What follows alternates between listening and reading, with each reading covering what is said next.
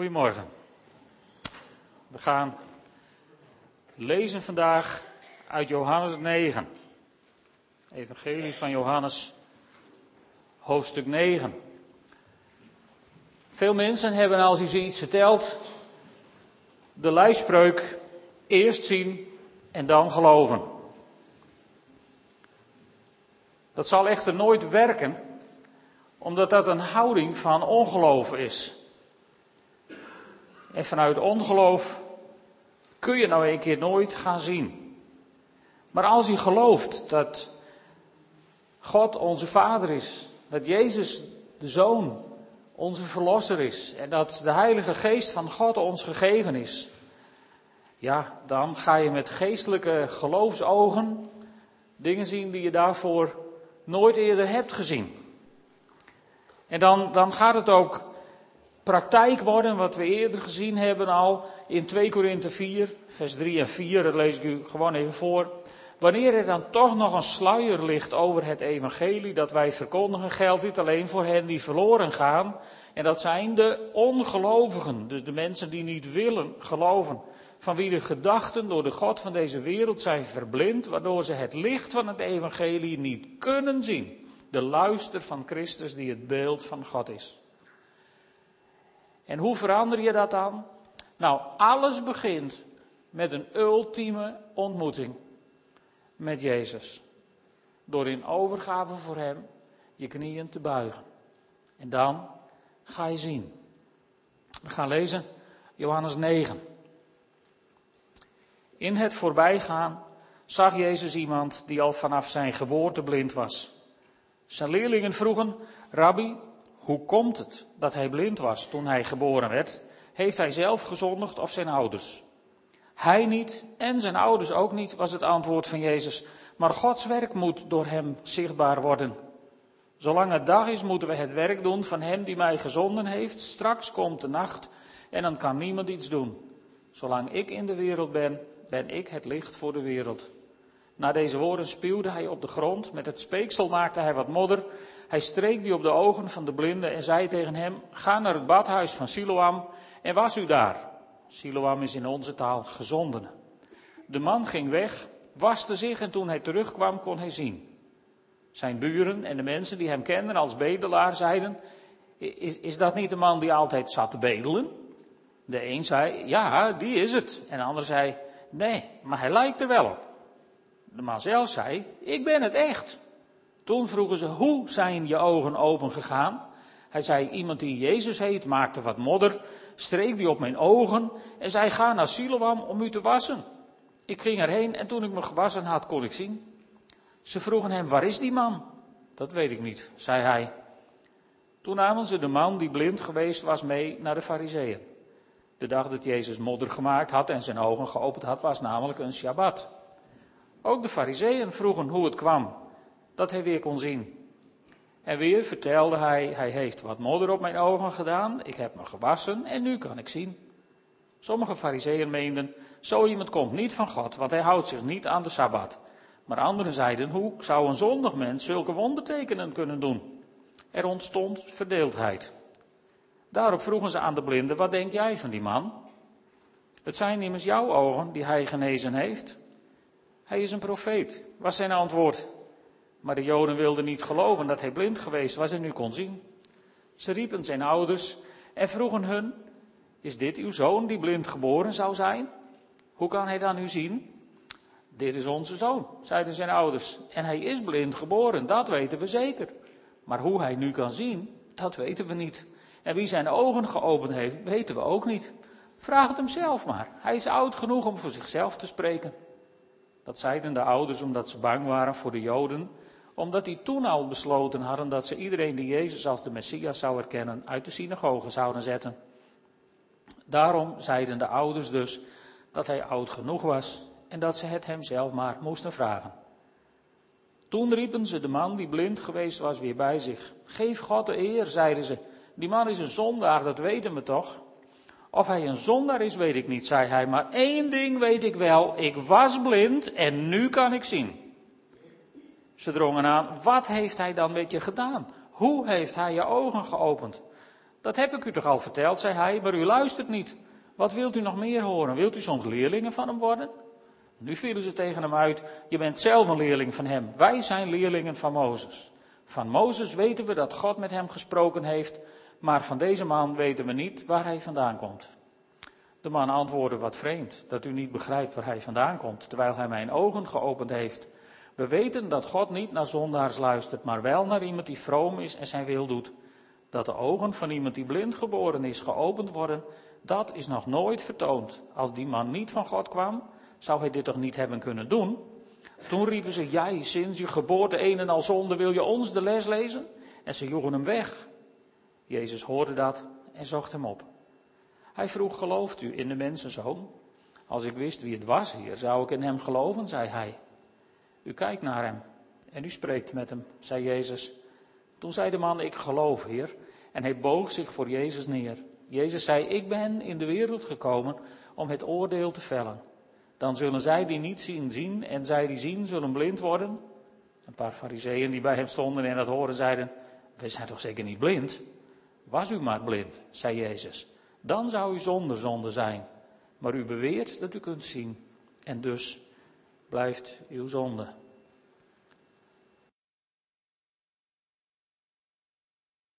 Sinds I met him, sinds ik hem ontmoette. Daar wil ik het uh, vandaag met jullie over hebben. Het is een merkwaardig verhaal. Ze komen die man voorbij die daar aan de kant zit te bedelen, blind geboren. En de eerste vraag die in de discipelen opwelt is: hoe komt het? Waarom? Vraag waar wij ook vaak tegenaan lopen. Waarom? En ze blijven daar even hangen. En dan geeft Jezus dat wonderbaarlijke antwoord waar, denk ik, heel veel op gestudeerd is en heel veel over nagedacht is. Dan zegt Jezus, niet hij en zijn ouders, maar Gods werk moet door hem zichtbaar worden. Hier hebben we twee stromen bijna te pakken, die het volgens mij allebei bij het verkeerde eind hebben. Aan de ene kant, die stroom die denkt van ja, als je zoiets overkomt, moet je het wel verdiend hebben. Dan moet God je dat wel als straf hebben gegeven. Dat is niet de God die wij dienen. Ik denk dat we dat wel eens zijn. Maar uit dat antwoord van Jezus is zo heel sluipend een andere dwaling gedestilleerd. Zo van, ja, God geeft mensen bepaalde ziektes om zijn grootheid daardoor zichtbaar te maken. Ik wil één statement maken, direct dan maar aan het begin, voordat we verder gaan. Ziekte komt nooit van God. Vroeger niet, nu niet en in de toekomst niet. God maakt mensen niet ziek. God, God bezorgt mensen niet jaren van ellende, zodat Hij zich daardoor kan verheerlijken. Ik geloof dat Jezus hier juist twee, twee stromingen, twee, twee hele belangrijke dingen tegenover elkaar zet. Als je kijkt naar het verhaal, dan staan daar een aantal van die hoe of waar vragen in. Hoe komt het dat hij blind was? Hoe zijn je ogen open gegaan? Waar is die man? Wat denk jij van die man? Wat heeft hij met je gedaan? Hoe heeft hij je ogen geopend? Allemaal van die vragen over vroeger. Hoe, waar, wie, wat? En dan komt Jezus en die zegt, lieve vrienden, ik ben hier niet op deze wereld gekomen om met jouw verleden bezig te zijn. Ik ben op deze wereld gekomen om jou een nieuwe toekomst te geven. Want met jouw verleden, met jouw verleden, zegt Jezus, heb ik namens jou afgerekend aan het kruis. Jouw verleden is voltooid, verleden tijd. Daar ben ik helemaal mee klaargekomen, voor jou. En nu vraag ik jou, en ik geloof dat dat is wat God je vraagt vandaag. Nu vraag ik jou om door de rest van jouw leven heen een toekomst zichtbaar te maken aan de mensen. Een toekomst met mij. Weet je, het is vandaag de zondag van de leidende kerk. En, en, en als je daarover nadenkt, wat mensen voor hun geloof moeten lijden, dan denk je, hoe is het mogelijk? Hoe is het mogelijk dat mensen dat ervoor over hebben? Ik geloof dat dat geheim ligt in het feit dat bijvoorbeeld christenen in Korea zich niet bezighouden met de vraag van waarom gebeurt ons dit nou allemaal? Waarom lijden wij zoveel en die lui daar in het westen niet? Heer, waarom? Volgens mij zijn vervolgde christenen bezig met de toekomst die ze hebben in Jezus Christus. De toekomst op weg naar een eeuwigheid met Hem. De toekomst naar een betere wereld, naar een betere tijd. Mensen die blind geweest zijn en die zijn gaan zien. En die in een zee van licht wandelen in de grootste duisternis. Volgens mij is dat het geheim. Waarom mensen dingen mee kunnen maken voor hun geloof, waar wij ons niets bij kunnen voorstellen. Waarom? Is de verkeerde vraag. Jezus heeft afgerekend met jouw verleden. Het gaat er niet om waarom dingen je overkomen zijn. Waar het om gaat is dat als je Jezus ontmoet en gelooft in Jezus als de Zoon van God, pas dan gaan je ogen open. Weet je, het is heel wonderlijk. Je, je, je hoort er niet zoveel van, maar elke week komen er vele honderden moslims tot geloof. Omdat ze een ontmoeting hebben met Jezus. Soms via de radio, soms via God Channel. Maar ook heel vaak gewoon in een droom, in een visioen. Ze ontmoeten Jezus en dan gaan ze zien. Als je getuigenissen leest van, van Joden die, die de Messias hebben ontdekt, die hebben eerst een ontmoeting met Jezus en dan gaan ze zien. Daarna is alles wat ze lezen in de Torah, gaat ineens over de Messias. Waarom zien ze dat van tevoren niet? Omdat ze Jezus nog niet hadden ontmoet. En het begint met Jezus ontmoeten en in Hem geloven. Jezus ontmoet hier deze blinde man. En die zit daar al jaren. En Jezus die spuugt op de grond, smeert zijn ogen eronder. En nou lees je in commentaar, ja, speeksel werd in die tijd wel als geneeskrachtig iets beschouwd. Maar aan de andere kant, als je iemand bespuugde, werd hij onrein. En helemaal als je hem dan ook nog met het vuil van de straat besmeerde. Nou, dan had je het wel helemaal gehad. En dan zegt hij tegen deze man, het is een beetje een ironisch verhaal. Je smeert eerst een blinde onder de modder en dan zeg je, nou je moet je maar eens gaan wassen. Ik bedoel, wij zouden het vandaag de dag niet gepikt hebben. Maar goed, dan zie je daar die blinde en die staat op en die strompelt in geloof. Honden, blinde geleidehonden hadden ze nog niet. Dus die strompelt in geloof naar het badwater en die gaat zich wassen. En die doet zijn ogen open. En die wordt overweldigd door een zee van licht. Wauw, ik kan zien. En wat had die man? Die had ineens een toekomst. Die hij niet had. Hij had geen toekomst. Ja, zitten bedelen tot hij doodging. Maar nu had hij ineens een toekomst. De wereld lag voor hem open. De zon scheen hem stralend tegemoet. En dan maken ze hem het leven zuur. Omdat regeltjes belangrijker waren geworden dan mensen. Dat is wat wetticisme met je kan doen. Regeltjes die belangrijker worden dan mensen. Maar deze man, die was ineens gaan zien. Kijk, als deze man een uh, Nederlander was geweest, dan had hij zich waarschijnlijk beklaagd bij de ombudsman en bij de blindenvakbond over mensen die blindenis smeren met modder. En daar had hij jaren over kunnen praten. Hij had in rondom tien kunnen komen en in achter het nieuws en voor het nieuws en in het nieuws misschien wel. Om wat hem was aangedaan. En hij was gewoon blind gebleven. Maar hij deed wat hem werd gezegd door Jezus. Daar zat de clue voor hem. In gehoorzaamheid helemaal naar Siloam, zich wassen en zien. Mooi hè? Soms doet Jezus dingen in je leven die je niet begrijpt. En soms leidt hij je om dingen te doen waar je de logica even niet van ziet.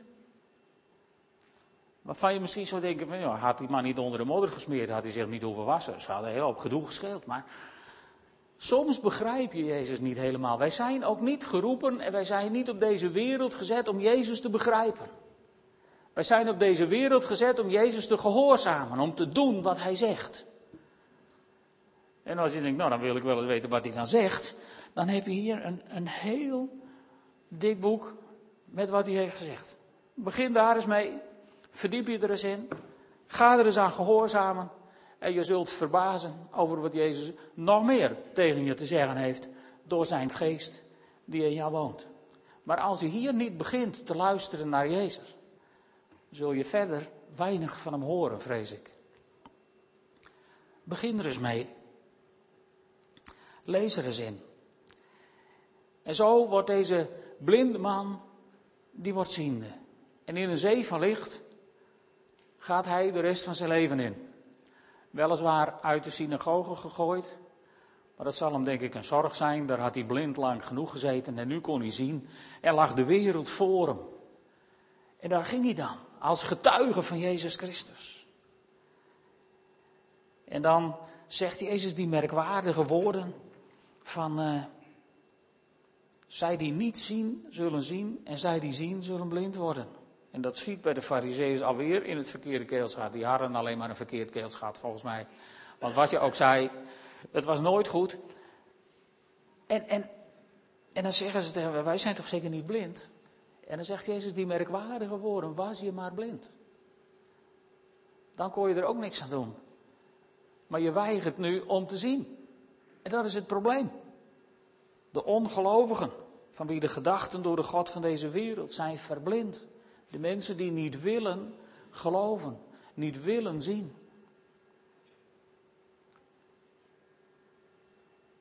Ik hoop dat je daar niet bij hoort. Niet willen zien.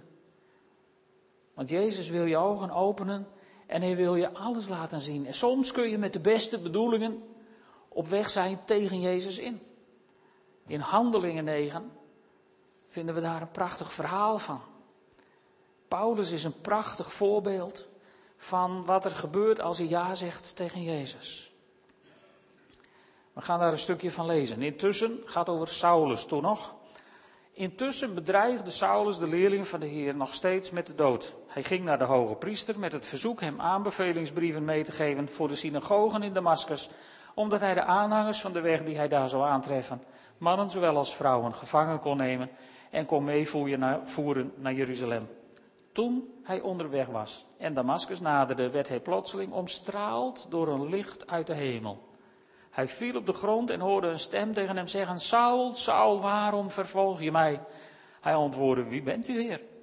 Het antwoord was: Ik ben Jezus die jij vervolgt. Maar sta nu op en ga de stad in, daar zal je gezegd worden wat je moet doen. De mannen die met Saulus meereizen stonden sprakeloos. Ze hoorden de stem wel, maar zagen niemand. Saulus kwam overeind en hoewel hij zijn ogen open had, kon hij niet zien. Zijn metgezellen pakten hem bij de hand en brachten hem naar Damascus. Drie dagen lang bleef hij blind en at en dronk hij niet. In Damascus woonde een leerling die Ananias heette. In een visioen zei de Heer tegen hem Ananias. Hij antwoordde, ik luister, Heer. Daarop zei de Heer, Ga naar de rechte straat en vraag daar in het huis van Judas naar iemand uit Tarsus die Saulus heet. Hij is aan het bidden en heeft in een visioen gezien hoe een man die Ananias heet binnenkomt en hem de handen oplegt om hem weer te laten zien. Ananias antwoordde, Heer, van veel kanten heb ik gehoord over deze man en over al het kwaad dat hij in uw heiligen in Jeruzalem heeft aangedaan. Bovendien heeft hij toestemming van de hoge priesters om hier iedereen die uw naam aanroept in de boeien te slaan.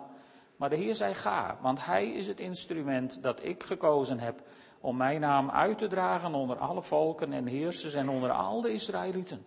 Ik zal hem tonen hoezeer hij moet lijden omwille van mijn naam. Ananias vertrok en ging naar het huis waar hij Saulus de handen oplegde, terwijl hij zei: Saul, broeder, ik ben gezonden door de Heer, door Jezus die aan u verschenen is op de weg hierheen, om ervoor te zorgen dat u weer kunt zien en vervuld wordt van de Heilige Geest.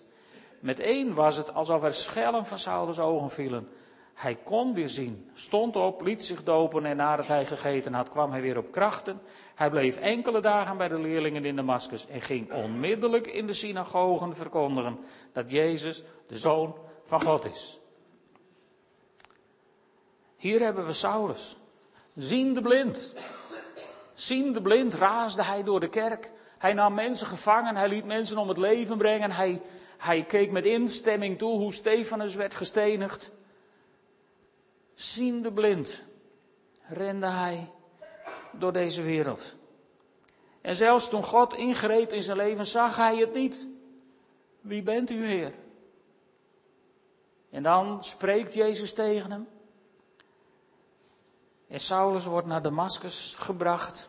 En in die drie dagen, de Bijbel omschrijft niet wat er in die drie dagen in het denken van Saulus is gebeurd. En Paulus vertelt daar later ook niks over, wat er in die drie dagen is gebeurd. Dat was heel intiem tussen hem en God. Maar er moet iets heel bijzonders gebeurd zijn. In deze mens. In deze mens die daar blind zat, maar steeds meer ging zien. Tot hij uiteindelijk waarschijnlijk gezien heeft dat het Jezus was die hij vervolgde. En dan komt Ananias en die legt hem de handen op. En, en dan vallen hem de schellen van de ogen, staat er in de Bijbel. En hij kon weer zien. En weet je, het mooie hier, dit is weer zo'n prachtig verhaal. Saulus, die gaat zien. Hij komt tot de erkentenis dat Jezus Christus de Heer van zijn leven is. En dan staat er niet dat hij een jaar of tien ging nadenken van zal ik me ook laten dopen of, of wat moet ik daar eigenlijk mee of ik, ik weet nog niet genoeg. Of. Kijk, als Saulus evangelisch was geweest, dan had hij waarschijnlijk daar nog jaren mee omgezeuld.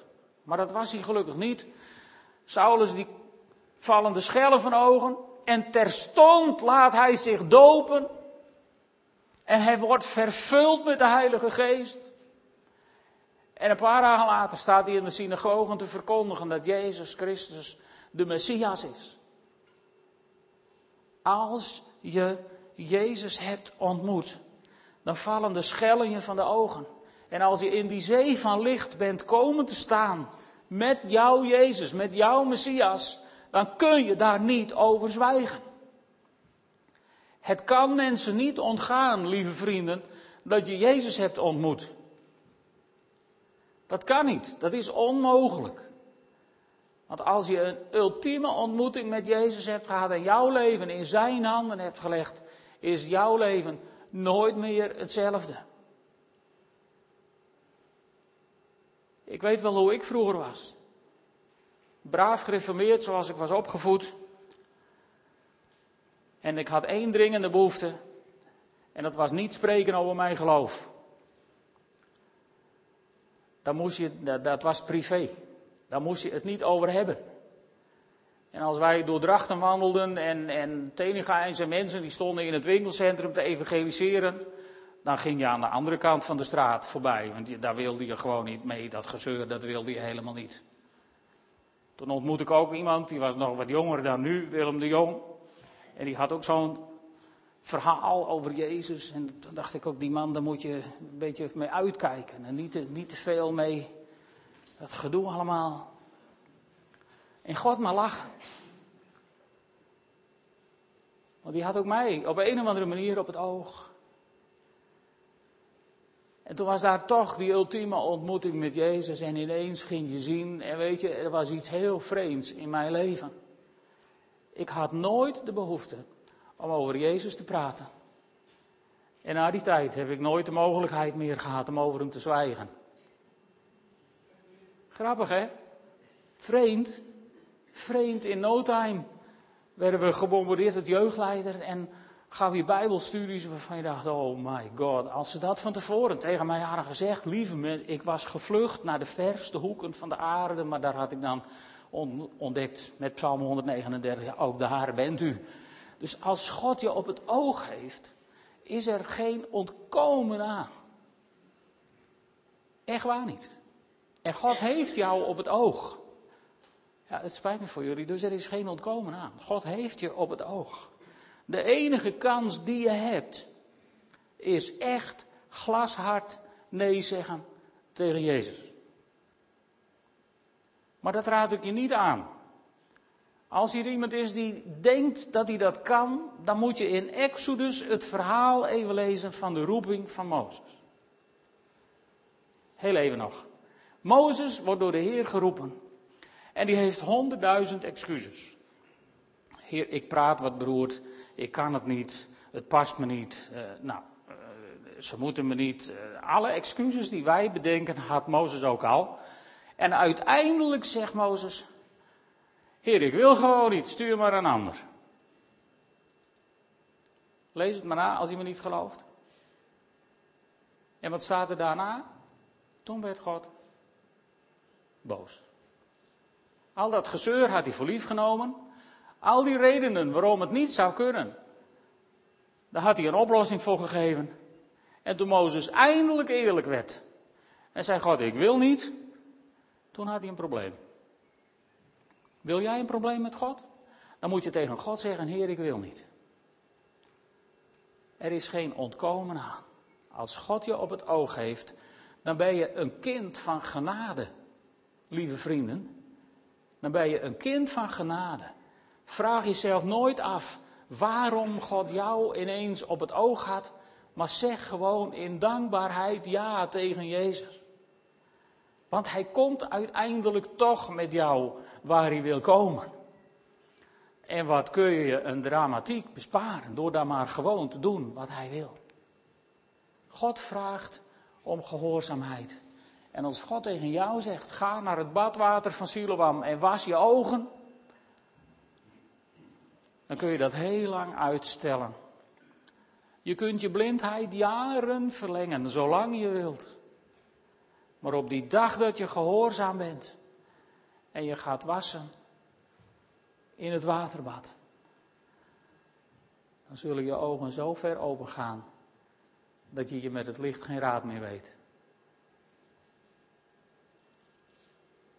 Ik daag je uit. En dan zul je misschien wel net zo gehecht worden aan dit lied als ik. Dan zul je misschien ook altijd als je dat hoort in gedachten hebben, sinds I met him, sinds ik hem ontmoette. Sinds ik hem ontmoette is mijn leven nooit meer hetzelfde geweest. En het heeft me geen dag gespeten. Wil je ook zo leven? Zeg dan Maria tegen Jezus. Zullen we samen bidden? Vader in de hemel, dank u wel dat u mensen op het oog hebt. Dank u wel dat u ook ons op het oog had. Door u in al uw liefde dichter bij ons kwam en ons aanraakte. Om onze blindheid of onze doofheid of whatever in ons te genezen. Heere God, het was uw initiatief. Het was uw initiatief om mij te roepen. Het was uw initiatief om Saulus te roepen, ondanks hoe hij tekeer ging tegen uw gemeente. Heer, dus niemand is voor u te min of te slecht of te zondig. Het is uw initiatief om op mensen toe te stappen en ze in beweging te brengen. En Heere God, ik bid u, maak gehoorzame volgers van ons door uw Heilige Geest. Heer, lok ons met u mee, steeds verder en verder en verder. Heere God, en maak ons los van ons verleden, waar we soms misschien zo mee kunnen worstelen. Bevrijd ons, bevrijd ieder die hier zit, ook de luisteraars thuis, Heer, bevrijd ons. Nee, dat hebt u al lang gedaan, u hebt ons al lang bevrijd. Maar leer ons te zien hoe u ons hebt vrijgemaakt van ons verleden. En open onze ogen, Heer, voor die glorieuze toekomst met u in een zee van licht. Heere God, opdat uw werken, uw heerlijkheid ook door ons heen zichtbaar mag worden in deze wereld. Gebruik ons daar maar voor, Heer. Dat bid ik van u. In de naam van Jezus, onze Heer en Heiland. Amen.